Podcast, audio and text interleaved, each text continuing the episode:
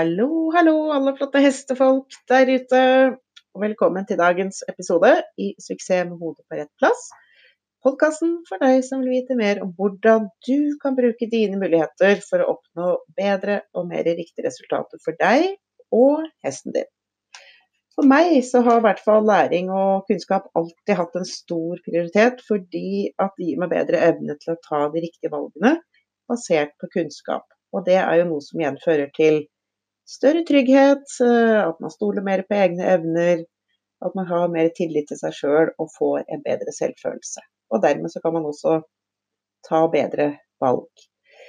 Og I den anledning så har jeg veldig lyst til å invitere dagens gjest, som jeg har fulgt en god stund på sosiale medier. og Hun heter Line Østerhagen, og hun driver nordisk hunde- og hesteterapiskole. Og Line hun sier selv eh, på hjemmesiden sin at hun brenner for å hjelpe dyr, og ønsker å hjelpe eiere til å nå enda flere mål med hesten eller hunden sin. Og det gjør hun bl.a. gjennom å tilby ulike kurs og utdanninger. Og Line deler med oss i dag en eh, spennende historie fra starten og eh, fram til i dag. Og det som eh, jeg ser er et veldig gjennomgående tema, er den enorme grundigheten som Line har i forhold til uh, sine kurs og sine utdanninger, og selvsagt også seg selv. I forhold til det hun, hun, har å tilby, sånn at vi som holder på med hest og hund, kan uh, få bedre kunnskap og føle oss tryggere på det som vi holder på med rundt våre dyr. Så da vil jeg bare si god lytting!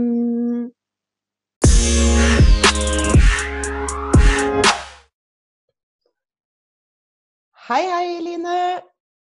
Hei. Velkommen til eh, podkasten 'Suksess med hodet på rett plass'. Takk for det. Ja, jeg har jo lyst til å prate med deg, fordi at eh, jeg har jo fulgt deg lenge på, mm, på eh, eller i sosiale medier. Og du driver jo nordisk hunde- og hesteterapiskole. Og jeg ser jo det at vi har litt sånn lik innfallsvinkel, at vi begge vil hjelpe dyreeiere til å, til å få kunnskap, sånn at de får litt mer selvfølelse og trygghet. Absolutt. Yes.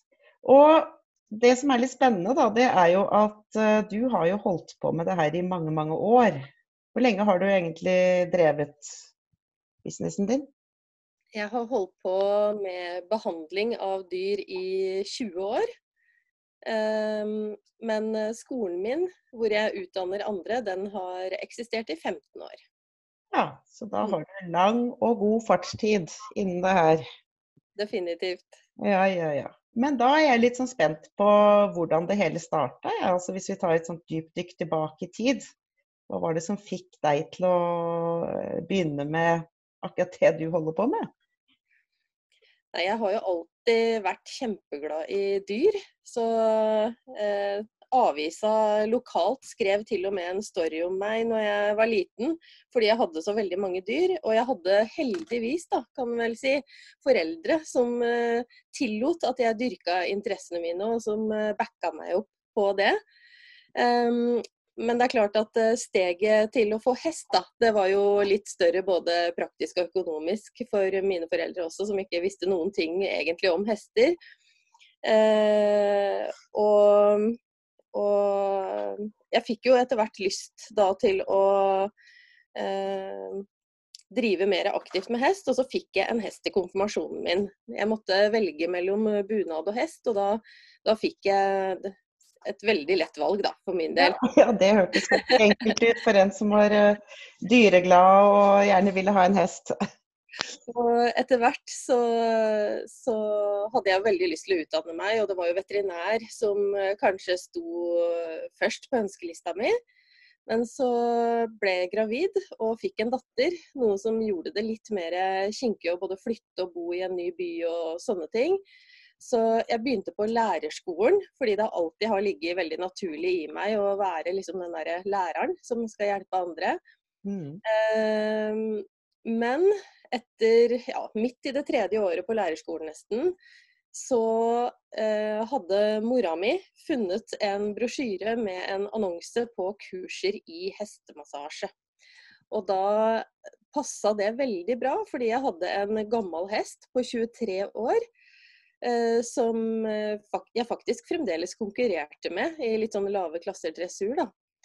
Eh, og, og, jeg starta på det her. Og når jeg så den effekten og den nytten og gleden han hadde av massasjen, så ble jeg vel regelrett bitt av basillen, som en kan si. Altså Én ting er jo hestebasillen, da, men jeg ble på en måte bitt av kroppsbasillen, kan du kanskje kalle det. Og ja. Det her var kjempespennende. Um, begynte på en måte å utforske bevegelsesmønstre og Eh, hvilke muskler eh, hvor og, og sånne ting. Og, og jeg syns det var så spennende, og jeg hjalp jo flere på stallen også. Eh, og det bare egentlig balla vel på seg litt. Og etter hvert så har jeg nå tatt ja, jeg har vel tatt omtrent tolv år med utdanning. Oi, det, det, er jo Da kan man si at du har tatt et ordentlig dypdykk inn i fagfeltet. Definitivt. Jeg har utdanna meg både på hest og hund og mennesker. Og jeg har også studert medisin. Tatt uh, uh, grunnfag, og jeg har tatt fordypning i funksjonell anatomi og en del sånne ting på høyskole. Så jeg har mange års utdanning også på høyskole, da. Så um, man blir jo aldri utlært. Og jeg har litt sånn følelsen av at jo mer jeg lærer, desto mer har jeg behov for å lære. Det blir nesten en forverra situasjon hver eneste gang. er ikke den bare litt klassisk? At jo mer du kan, jo mer skjønner man at man ikke kan? Ja, du får den ydmykheten, da som eh, mm, Overfor det. Så da, da starta du med, med, din egen hest, og du så veldig gode resultater både på den og på de andre i stallen. Og, og valgte å utdanne deg videre. Og det, det, har jo resultert i en hel masse kurs da, som du har eh, å tilby online. Ja, definitivt. Etter hvert da så utdanna jeg meg jo som sagt på mennesker også, som massør på mennesker først. Eh, og da ble jeg veldig overraska, fordi fagmaterialet og pensumet som vi måtte igjennom, og kravene som vi måtte igjennom for å bli menneskemassør, var betraktelig større enn for å bli dyremassør. Og det fikk meg til å lure litt på hvorfor i alle dager er det sånn at du kan gå noen få korte kurs og så bli dyremassør, og så må du ha en kjempeutdanning for å bli menneskemassør. Mm. Uh, og da tenkte jeg som så at uh, er det her egentlig greit? Fordi dyra våre som ikke engang kan snakke, de fortjener i hvert fall noen som virkelig har god og grundig kunnskap. Og det var vel kanskje da jeg fikk en aha-opplevelse på hvor viktig det er å ha nok eh, kunnskap og forståelse for å klare å se denne helheten. Jeg tror nok at alle kan lære seg noen massasjegrep og stå og massere. Men det å på en måte forstå bakgrunnen og dette her med å finne årsaker og sånn, det, det, krever så mye mer. Og da bestemte jeg meg for at eh, vi må få et like bra tilsvarende tilbud på dyr også her i Norge. Mm. Så var det, var det, det som liksom lå til grunn, da, at du begynte å lage eh, Eller du tok utdannelse sjøl og så ble litt egentlig en advokat på dyrenes vegne og begynte å lage en, eh, en utdannelse sjøl, eller var det noe som var i Norge fra før, eller hvordan var det? Eh, det var en skole som var i Norge, og jeg jobba på et tidspunkt litt der. Men det var ikke noe ønske om å utvide på en måte pensumet da, eller repertoaret. Og der kom nok kanskje det her jeg har fra lærerskolen tilbake i meg. da, Den her eh, driven til å tilrettelegge et bra materiale. Eh, en måte å lære på som, eh, som både er bra, men også som inneholder nok da, til å bli en dyktig terapeut. Og, og det begynte jo med kurser i hestemassasje.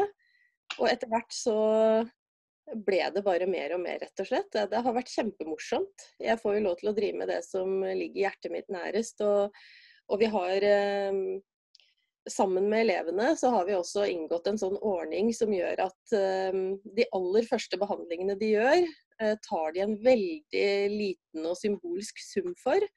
Mm. Eh, men den summen doneres til en veldedig organisasjon som gir gratis enten veterinærhjelp eller f.eks. Eh, tar til seg hester og lar de få lov til å få et godt liv eh, resten av livet. F.eks. Viksemarka hestegård og eh, en organisasjon i Egypt som blir drevet av en norsk jente som heter Prince Fluffy Kareem. Det er sikkert flere som har sett eh, innlegg derfra. Vi har vært og besøkt de i Egypt, og vi har vært og besøkt Viksemarka. og, og mm, hvert eneste år så donerer elevene våre egentlig ganske store summer til uh, disse veldedige organisasjonene som hjelper dyr. Og, og, nei, det har blitt veldig mye bra etter hvert som uh, virkelig er gledelig. Jeg er så glad for at vi kan uh, på mange måter bidra for dyra. Det høres så utrolig spennende ut. Og det som, det som jeg syns er litt så spennende med, med historier, da, for man har liksom én tanke om at man kanskje hadde lyst til å bli dyrlege, men så kom det noe i veien, så man muligens der og da tenker at ah, det var litt eh, ja, passa kanskje ikke helt, men så blir det noe helt annet ut av det som kanskje ligger egentlig eh, Som gjør at du får muligheter som ligger kanskje enda nærmere eh, hjertet ditt da, i forhold til det å kunne Ja, både det med å donere da, til dyr som absolutt ikke har det bra. Og jeg har jo sett på sosiale medier fra den eh, det nede i Egypt. Og det, det ser jo ikke det er, det er, jo ikke hyggelige bilder, mye av det som kommer derfra. Nei, de trenger virkelig hjelp. Det gjør de. Ja. Um, nei, det er Jeg har faktisk tenkt det mange ganger, at uh, jeg er så takknemlig for uh, at jeg ikke fikk sjansen til å bli veterinær. Og det har ingenting med at uh, um, at det ikke er tiltalende å ha den kunnskapen som veterinærene har. Men eh, det er en del ting jeg har funnet ut nå i ettertid som, eh, som gjør at jeg ser at jeg slipper f.eks. vakter. Jeg kan disponere tida mi mye mer sjøl. Det passer mer meg også og min, mitt familieliv eh, og dyreliv. Og mm. en annen ting er jo det at jeg slipper de her veldig sjuke dyra, dyr som dør, dyr som må avlives. Og når jeg har blitt mer kjent med meg sjøl kanskje i de sammenhengene etter hvert òg, så tror jeg det er veldig bra for meg at, uh, at, jeg får lov til å jobbe med den litt mer friske uh, dyr, da, som ikke er akutt uh, i dødsfar og sånne ting, i hvert fall. Mm. all ære til de som gjør det, altså, men jeg er veldig glad for at, at jeg fikk akkurat den nisjen her. Det var sikkert meninga med no noe men mening med det, rett og slett. Ja, ja, ja, ja. For det du eh, driver med da, er jo egentlig mer ja, både kunnskapsformidling og, og, det som går på mye forebygging, egentlig. da, For du har jo mange spennende kurs, bl.a. treningslære, og du har anatomi og fysiologi, stretching og hestemassasje, eteriske oljer og triggerpunkter, laser, og så har du noen utdanninger og et kurs som heter Elite hesteeier. Og hvilke av disse kursene er det du ser liksom at det er uh, mest populære for, uh, for oss hesteeiere? Um, nå er det jo sikkert litt grann hva man har lyst til å lære, i og med at jeg har flere grener. Men det har vært veldig populært med treningslære, bl.a. Um, Uh, Elite hesteeier er jo et litt større produkt som jeg definitivt uh, syns har vært populært. Den som har lyst til å satse på en måte litt dypere og få litt mer avansert kunnskap. Uh, men også det dreier seg jo mye om det her med trening og opptrening. og um, Jeg har nok et litt annen vinkling på treningslære enn det mange har. da, eh, Fordi vi har jo dette her med pulsmåling og laktatmålinger og sånne ting. Og, mm. og for all del, eh, det er med det òg. Fordi det kan være en vesentlig del av visse hesters trening, sånn som f.eks. travhester. Eh, men på den andre sida så er det så innmari viktig for meg at man på en måte unngår problemer i kroppen. At man ikke får noen sekundære skader av uh, treningsopplegget sitt. I hvert fall ingen som er unødvendige og som kunne vært utgått, unngått. Og uh, jeg syns bl.a. et kjempeviktig tema det er det her med hesten sitt eksteriør. Og hva slags svakheter hesten har i kroppen i forhold til dårlig beinstilling eller en karperygg, eller at bekkenet er høyere enn manken osv. Og jeg må si det at uh, med så mange års erfaring med å ta inn hester i rehabilitering også, hvor jeg har trent de etter deres svakheter i kroppen. Eh, fått styrka de musklene som ikke får utvikla seg så mye akkurat i den sporten, kanskje, som de har eh, vært med i. Så har jeg sett så store resultater at jeg har blitt helt eh, ja, jeg har blitt litt hekta på akkurat dette her, fordi jeg ser eh, hvor viktig det er, og egentlig òg hvor latterlig lite som skal til for å eh, unngå skader, i hvert fall visse typer skader, og, og, få trent opp hesten til å tåle sporten sin eh, på en så bra måte som mulig. Da. Mm. For det tror jeg det er mange som ikke tenker på, uansett om man driver med konkurranse på høyt nivå, eller om man er eh, turrytter som kanskje faktisk rir ganske mange timer hver dag. Eh, hvis man rir på lange turer. Og det her med å eh, vite hvordan man skal trene sin hest til å tåle de eh, belastningene da, som man har, har lyst til å utsette den for. Ja. ja. Ja, det spiller jo ingen rolle om en hest er en, eh, en, turhest, eh, eller hva den egentlig er. Den har sine svakheter i kroppen.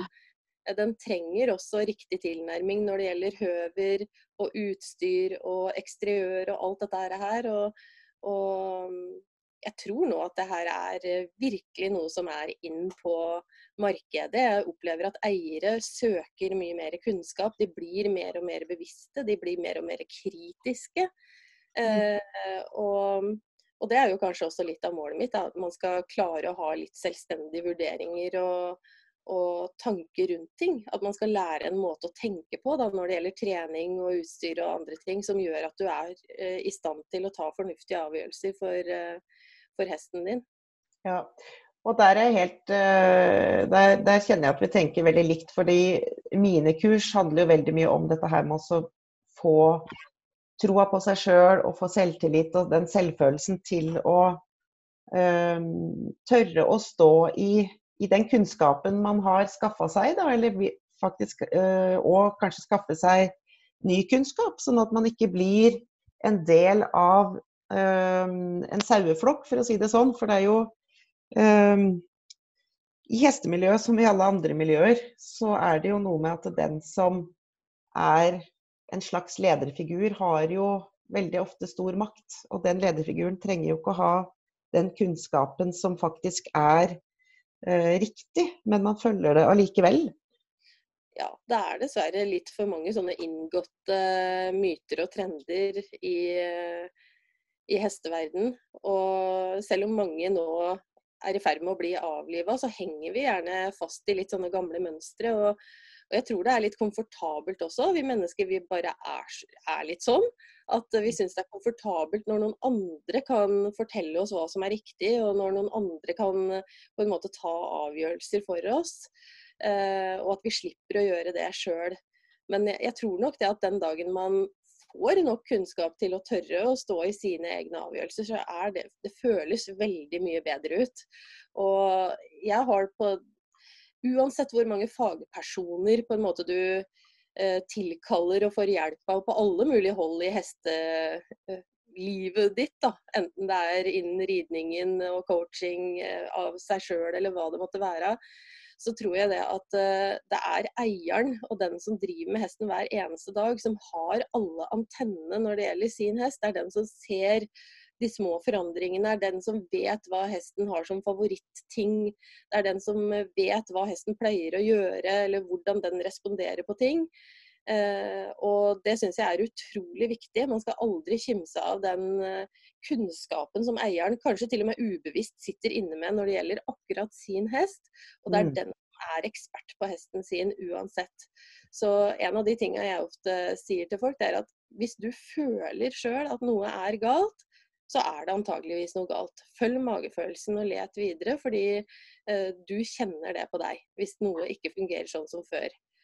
Ja, og det tror jeg det er mange som eh, For det er klart at det, det er jo en del av de tingene som jeg må jobbe med. Det er å få bort all den tankestøyen og usikkerheten som, gjør, som legger seg som lag på lag utenpå det uh, intuisjonen din eller magefølelsen din prøver å fortelle deg.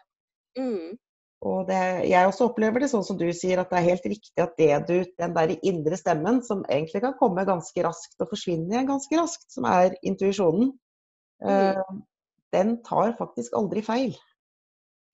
Nei, det har jeg opplevd selv også så mange ganger i terapeutsituasjonen, hvor jeg får inn et dyr med en bestemt diagnose f.eks., og det er ønskelig at jeg skal behandle dette. Og så ser jeg med en gang at her er det noe mer, eller her er det noe annet. Og sånn er jo vi mennesker. Det, vi, vi, er ikke noe dårlige mennesker selv om vi kan ta feil av en ting. Og, og av og til også, i hvert fall rent sånn fysisk, da, så kan ting ha stått over tid og gitt en del sånne sekundære ting, og så blir man litt blind for hovedproblemet. Men eh, men det å stole da på at det man føler er riktig, og bare kjøre på og utrede det videre, i hvert fall i min sammenheng, det er utrolig, utrolig viktig. Og jeg, jeg, tror aldri jeg har sendt eh, en hest til en sånn second opinion uten at det har vært et eller annet, altså. Så, um, og der òg er eierne Som regel så går eierne og har en magefølelse. De, mm. de, kan kanskje ikke definere hva det er, men de har den her magefølelsen. Og, og da tar jeg det alvorlig. Hvis mm. en eier kommer til meg og sier det, så da er det som regel noe, altså. I hvert fall i 90-95 av tilfellene. Ja.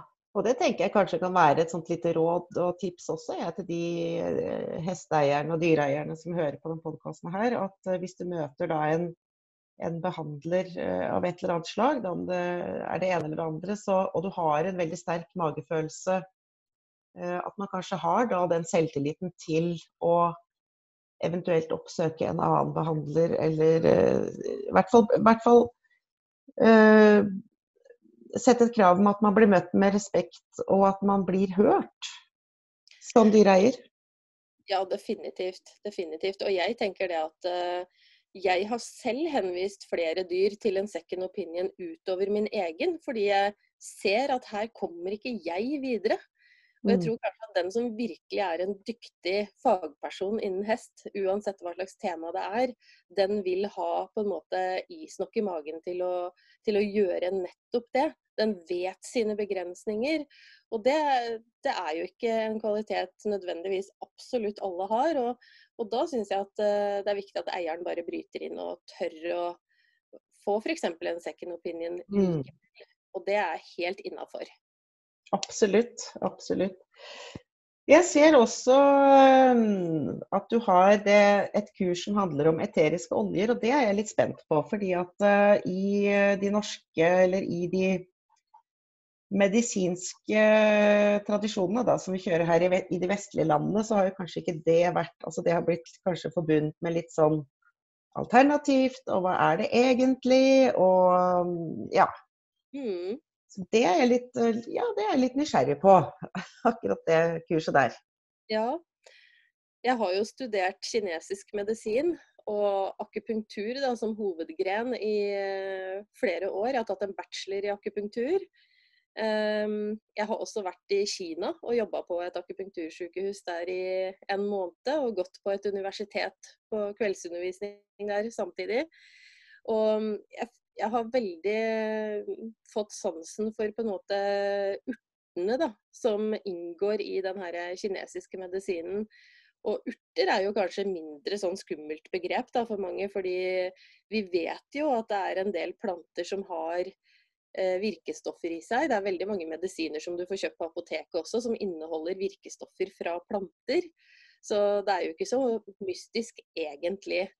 Så begynte jeg å sette meg litt inn i studier som er gjort, og jeg ble faktisk veldig overraska over at det fantes så mange studier på bl.a. eteriske oljer. Og eteriske oljer er jo egentlig bare veldig sterkt konsentrerte urter.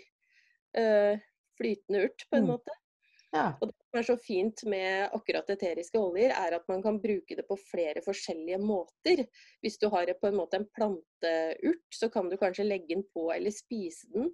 Mens eh, en eterisk olje, den kan man også bare lukte på. Det kan være nok. Og selv om mange tror at det, en ting kan da umulig virke så bra hvis man lukter på den, så, så er det faktisk sånn at vi har noen helt sånne spesielle organer oppi nesa vår eh, som er i stand til å ta opp eh, molekyler fra disse eteriske oljene.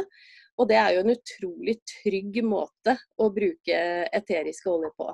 Men man skal jo selvfølgelig sette seg inn i hvordan man skal bruke det, fordi det er noen oljer også som man ikke skal bruke på f.eks. hund eller hest. Det, alle dyr har sine, eh, sine ting som man ikke skal bruke også, og man bruker oljene på riktig måte. Noen oljer kan ikke smøres på huden, mens andre kan helt fint smøres på huden. Så det er litt viktig å, å sette seg inn i. og jeg og ei venninne som driver med disse oljene, vi, eh, vi, har en veterinær som er vår mentor, som er spesialist på eteriske oljer. Og det er veldig, det er veldig, veldig spennende. Mm. Da syr, syr dere sammen østlig og vestlig eh, medisin? Vi gjør jo på en måte det. Ja. ja. Det var i hvert fall der det starta med, med min interesse, kan du si. da. Og jeg har jo en hund selv som eh, Hun er død nå, da, men eh, jeg hadde en eh, kinesisk nakenhund som måtte operere øynene sine flere ganger. Og hun fikk etter det regelmessig epilepsianfall. Og jeg hadde ikke min villeste fantasi tenkt at uh, man kan gjøre noe med det med en eterisk olje. Og jeg kan jo heller ikke sitte her og påstå at det var den som kanskje gjorde det, men for meg var det en veldig sånn eh, klar forbindelse med at når jeg lot henne begynne å lukte på den oljen, så sluttet epilepsianfallene helt. Jeg syns det virka helt utrolig. De hadde hun jo hatt i veldig lang tid. Og, og, det fikk meg liksom Det forsterka veldig driven min på å prøve det. Og nå når vi har hatt så mange som har testa det på forskjellige ting, da, eh, så bl.a. stress eh, har vi jo flere studier på eh, som er helt eh, gjennomgående. Mm. Godt utførte studier som viser at det kan dempe stress og stresshormoner. Hos, eh, hos dyrene? Hos dyr og mennesker også. Ja. Kortisol, rett og slett, som er et viktig stresshormon da, som man kan dempe. Mm. Det er gjort studier på mennesker også i tannlegesammenheng med Eh, med hvor stressa man er når man skal inn til tannlegen. Og på hund så, så er det også gjort flere studier. Så det er, um, ja, det er veldig, veldig spennende. Og jeg tenker at uh, vi mennesker er vel kanskje litt sånn at vi søker litt mer tilbake til de naturlige tingene og, og, og har lyst til å på en måte ja, ikke bare ikke bare stole blindt på alt mulig rart, men også kunne ha et lite sånn utvalg av ting som det går an å prøve selv. Så får jo mm. folk ta stilling til hva de, hva de, vil tro på. Det jeg er mest opptatt av, er jo at man utfører dette her på en, eh, en riktig måte for dyra, sånn at, eh, sånn at, man bruker det riktig. Og så, og så får jo folk gjøre seg erfaringer. Mm. Jeg har uh, selv studert så mye akademisk. Jeg har studert mange år på høyskole, og jeg har studert hva som skal til for å få en bra forskningsstudie. Og, og jeg tror vi må slå oss til ro med at uh, det er ikke alt som er forska på. Uh, og det vil ikke dermed si at det ikke har noe å bidra med.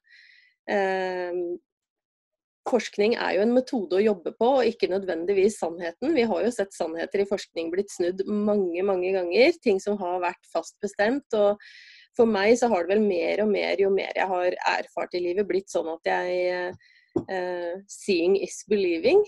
Så får jo mm. folk uh, Og jeg ser ikke på meg sjøl som noe sånn spesielt alternativ, altså i det hele tatt. Jeg baserer meg veldig på rene fysiske ting som skjer i kroppen. Ikke hva jeg tror eller føler, men rene fysiske ting som foregår i kroppen. Selv om kanskje noen ser på enkelte ting som litt alternativt. Men eh, jeg tror det er kommet for å bli, rett og slett. Ja. ja, jeg tror det også. At folk nå begynner å søke litt mer tilbake igjen til det som er eh, naturlig. Og så tenker jeg også litt at eh, det å komme litt bort fra ordet alternativt. Fordi at det kan òg legge noen sånne mm, føringer for hva man vil se, da, eller hva man vil tro på. Men det er klart at hadde dette ordet vært et helt annet ord, så ville det gitt helt andre oppfatninger og troer i, i folks bevissthet. Ja, og jeg tror det òg at uh, du kan gradere alternativt veldig. Uh, Jeg ser jo ikke på massasje som så veldig alternativt, egentlig. Det er jo en del av en, det en fysioterapeut også gjør, ikke sant. Mm. Eh, mens i, helt i andre hendene, da, så kan du kanskje ha healing og homopati. ikke sant? Det er veldig mange grader av det mange kaller for alternativt, og det tror jeg det er viktig å være bevisst på også.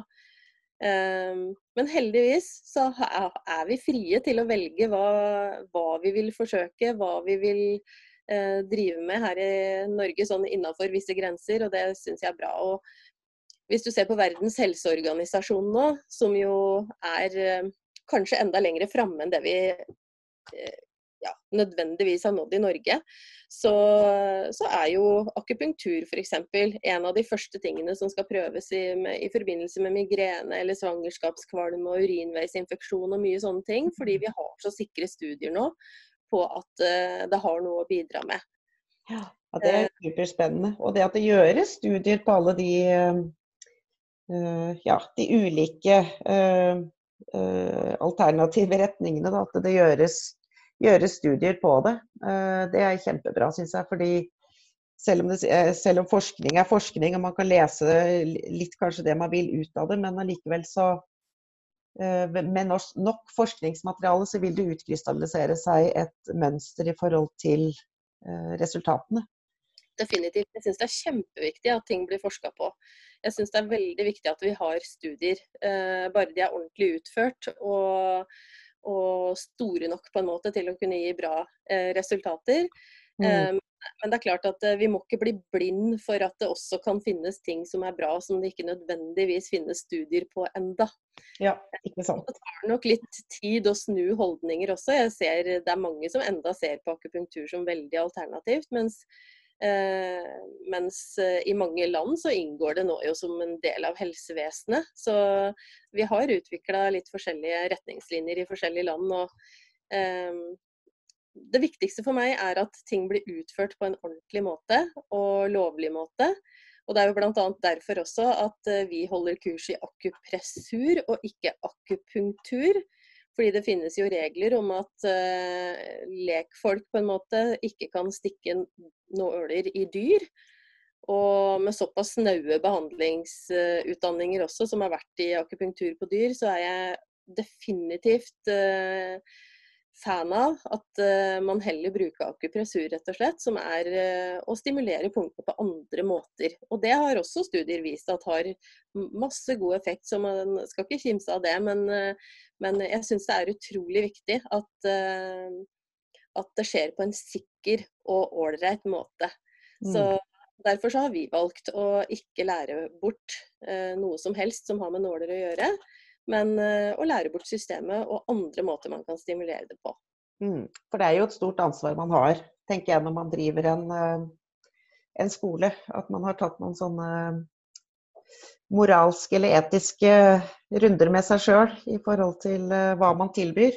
Definitivt. Og det er noen som har reagert negativt på det og syns at det er for dårlig at de ikke får lære nåler. Men jeg skal love deg at de studentene som har tatt kursen og sett resultatene de har fått, de er ikke misfornøyd. Og jeg tenker også at uh, da tiltrekker jeg meg kanskje de som er mest ute etter det som virker mest seriøst å gjøre. Og det er å holde seg til uh, loven, rett og slett. Ikke sant. Ja, det er jo veldig bra. Um, ja, og jeg tenker litt sånn av um, Hvis du skulle gi noen tips nå i forhold til uh, jeg ser jo sjøl som en uh, hesteeier som har uh, flere hester, og jeg er alltid sånn veldig interessert i å lære mest mulig. Selv om jeg driver mye med den der biten som handler om hode og mindset og målsettinger og selvfølelse og alt dette her, så er det jo klart at det henger jo veldig, veldig nøye sammen med bl.a. ridelære, alltid rideteknisk og den type ting, men òg den daglige behandlingen av av hesten. Og dette her med ikke sant, Jeg har jo Jeg avler jo litt på hobbynivå, så jeg har jo hester fra føll og opp til seks år. Uh, så det er klart, i den Det er ganske stort, ganske ulike trinn som alle de hestene er på. Og, og jeg ser jo For min del så er det jo Jeg har vært inne og sett på kursene dine, så ser jeg jo det her med med anatomi og fysiologi og treningslære. Det er liksom de to som jeg bare kjente med en gang. Og, å, det var uh, sånne triggere for meg. Men, men hva tenker du da, som har holdt på med dette her i så mange år og tenker hva er liksom For det er mange usikre hesteeiere ute der. Og, og, det er jo en grunn til at det er mye trafikk og spørsmål og alt i disse forskjellige gruppene rundt på sosiale medier. Mm. Um, så hva ville ditt sånn uh, tips vært uh, til de som lurer litt på hva er egentlig hva er egentlig mitt neste sånn trinn for å føle meg tryggere som hesteeier? Ja, det, det, må jo være å skaffe seg kunnskap. Ja. det, på et eller annet vis, på det nivået man trenger den kunnskapen på. Uh, og jeg kan jo bare snakke for på en måte det jeg driver med, men uh, for min del så ser jeg det at eiere trenger å lære seg litt mer om hvordan kroppen fungerer og responderer på forskjellige typer trening og stimuli. Eh, litt hvordan man kan legge opp et variert nok treningsprogram. Det er kanskje den største synderen også når det gjelder skader. ikke sant? Det at det blir litt for ensidig, eller at det blir ikke regelmessig nok og sånne ting. Og så er det dette her med å lære seg å gjøre en grunnleggende gjennomgang av hesten sin sjøl. Vi må på en måte aldri glemme at hester er fluktdyr. Og de sier ikke fra så fort de har vondt et sted, sånn som mange av oss menneskene gjør. Og veldig ofte den dagen vi ser at hesten er halt, eller vi ser at hesten er sjuk, med mindre det er akutte ting, da, mm. så har det her pågått en god stund før vi gjerne ser det. Det kan godt hende at vi har hatt en magefølelse på at det er noe, men det å lære hesten sin å kjenne åssen eh, den er når den er normal, for å kunne avdekke det den dagen det plutselig ikke er normalt lenger. Det er kjempeviktig, fordi da kan man ta ting på et veldig tidlig tidspunkt. Og, og sånn er jeg sikker på at det er både med ridningen og med mindset også. At med en gang man begynner å føle at noe ikke stemmer, så er det utrolig viktig å ta tak i det der og da. For jo lengre tid en ting får lov til å etablere seg, enten det er i kropp eller i sinn, så tenker jeg at uh, desto mer jobb kreves for å uh, på en måte komme til normalen igjen, da. Mm. Ja, det er helt sikkert. Det, det, tar tid. Først så vikler du deg inn, og så må du vikle deg ut igjen også. Så det er liksom Det tar litt tid.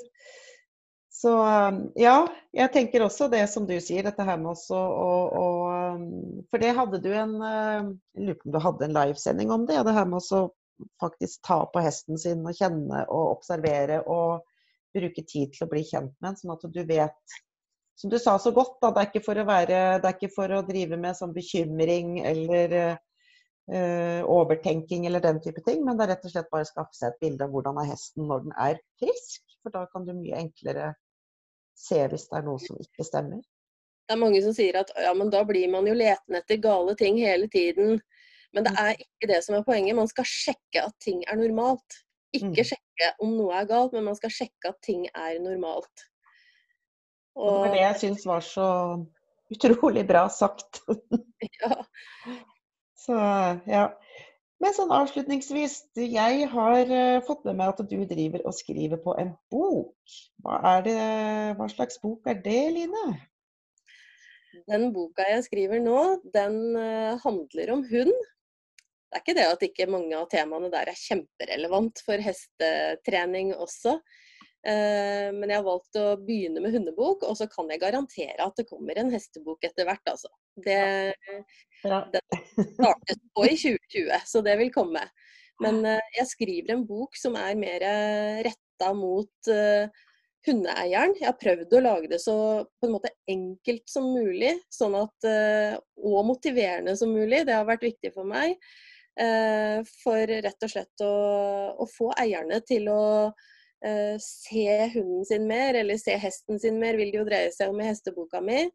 Um, og hva man kan sjekke for noe selv, hva man bør følge med på, hvordan man bør legge opp treninga si, og hvordan man kan uh, på en måte på en enkel måte da, i hvert fall få et overordna oversikt over at utstyr fungerer bra, Eh, at eksteriøret får den treninga det trenger i forhold til hvordan det er bygd opp. Eh, og også litt om dette her med hva gjør vi når skaden har skjedd.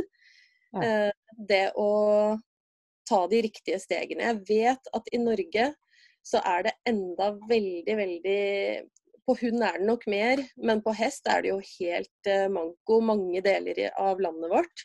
På noen som har noe som helst kunnskap om dette her med rehabilitering. Uh, og man har ikke blitt fysioterapeut når man har blitt veterinær, rett og slett. Det må jeg si. Og, og mm, jeg har veldig lyst til å kunne gi en overordna kunnskap om tankemåte og dette her med å, klare å hjelpe hesten sin best mulig når den har fått en skade.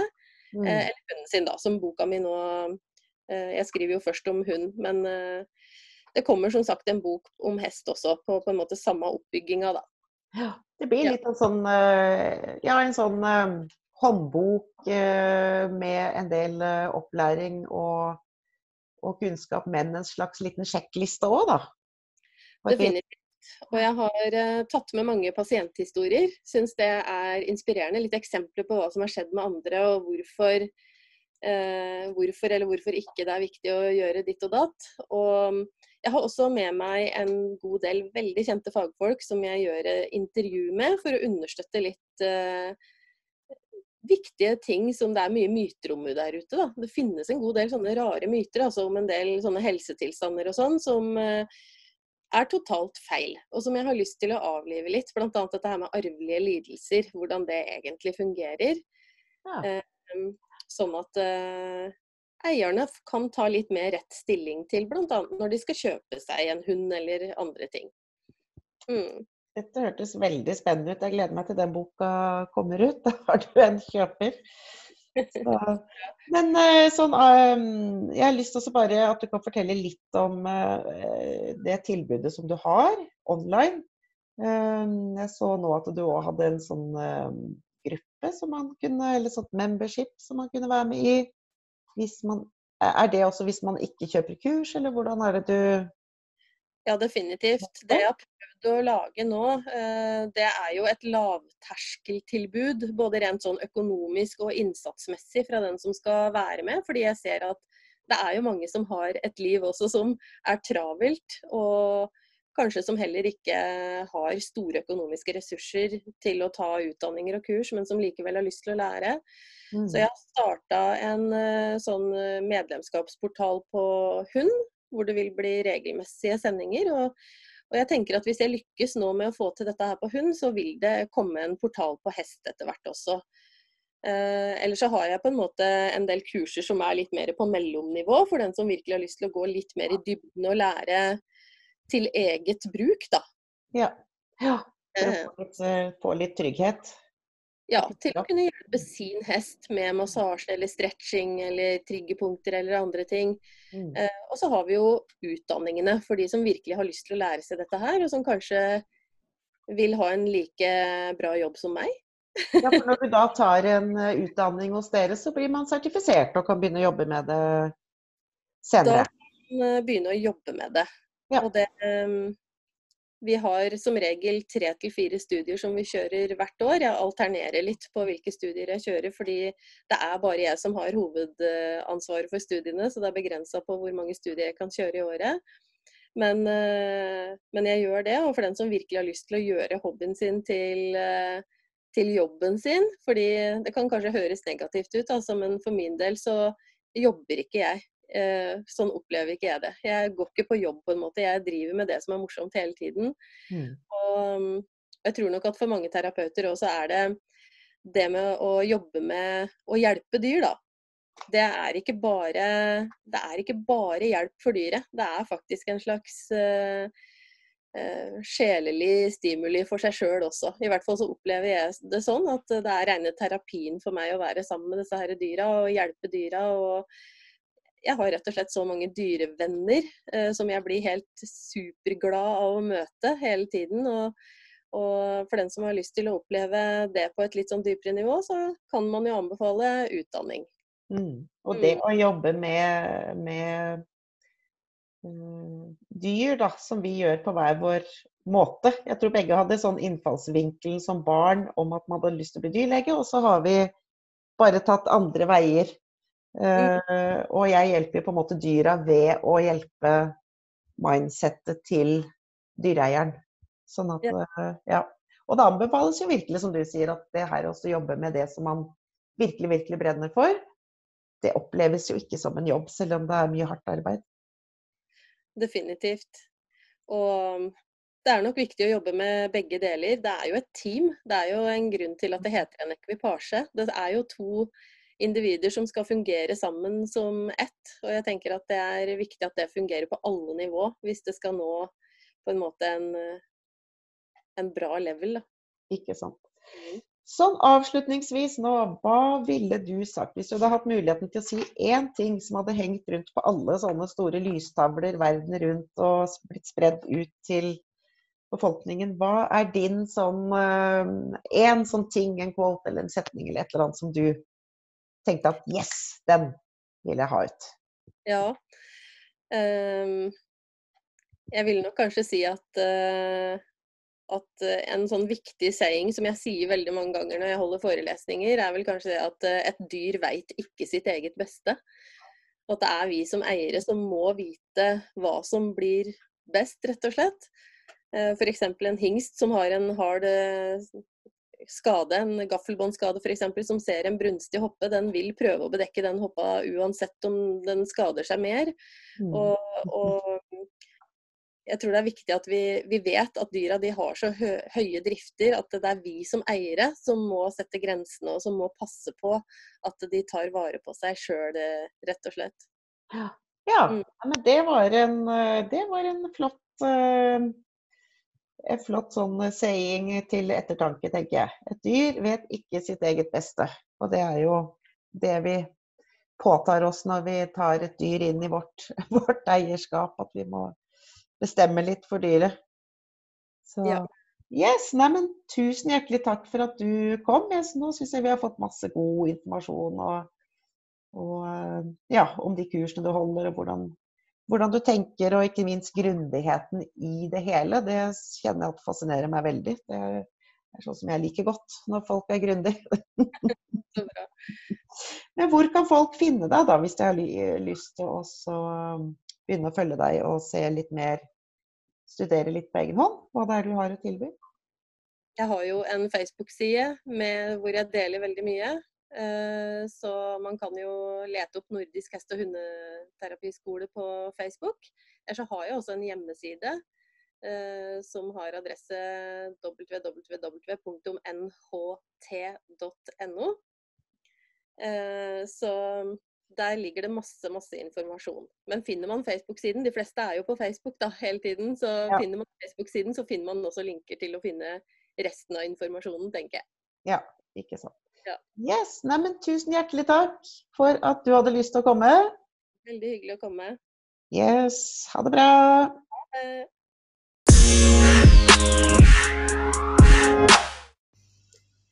Tusen takk for at du har hørt på det setter jeg kjempestor pris på, og jeg håper du har fått noen eh, gode tips fra Line, og at du kan gå inn på hennes eh, Facebook-profil og inn på hjemmesiden hennes og se hvilke kurstilbud hun har å tilby. Så kanskje det er noe der som du syns at passer for deg. Ehm, det kommer dryppende inn hyggelige tilbakemeldinger her fra dere lytterne, og det gir meg veldig fin motivasjon til å fortsette å lage podkasten. fordi da vet jeg at hvert fall noen av dere har eh, gode opplevelser med det innholdet som, eh, som, vi leverer. Og hvis du har lyst å si noe om det, så kan du legge igjen en kommentar etter at du har hørt på en episode, gjerne på Instagram eller på Facebook. Og kjenner du noen andre som kan ha glede av innholdet i podkasten, så tagg personen og del podkasten. Vil du ha flere tips, så kan du melde deg inn i Facebook-gruppa 'Suksess med hodet på rett plass'. De som er medlemmer der, blir invitert til et webinar 30.12. klokka 10. Og det webinaret det heter 'Hva er mentaltrening?' og 'Hvorfor er det smart å mentaltrene?' Og de som er med på webinaret akkurat den dagen, de vil få et ekstra godt tilbud på et kurs som heter Mentaltrening for bedre resultater. Så hvis du tenker at det kan være noe for deg, og at du kanskje har lyst til å ta et lite kurs i det, så kan du melde deg på. Hvis du ikke tenker at du ikke har lyst til å gå på kurs, men bare har lyst til å lytte til webinaret, så melder du deg også inn i Facebook-gruppa 'Suksess med hodet på rett plass'. Vi ses!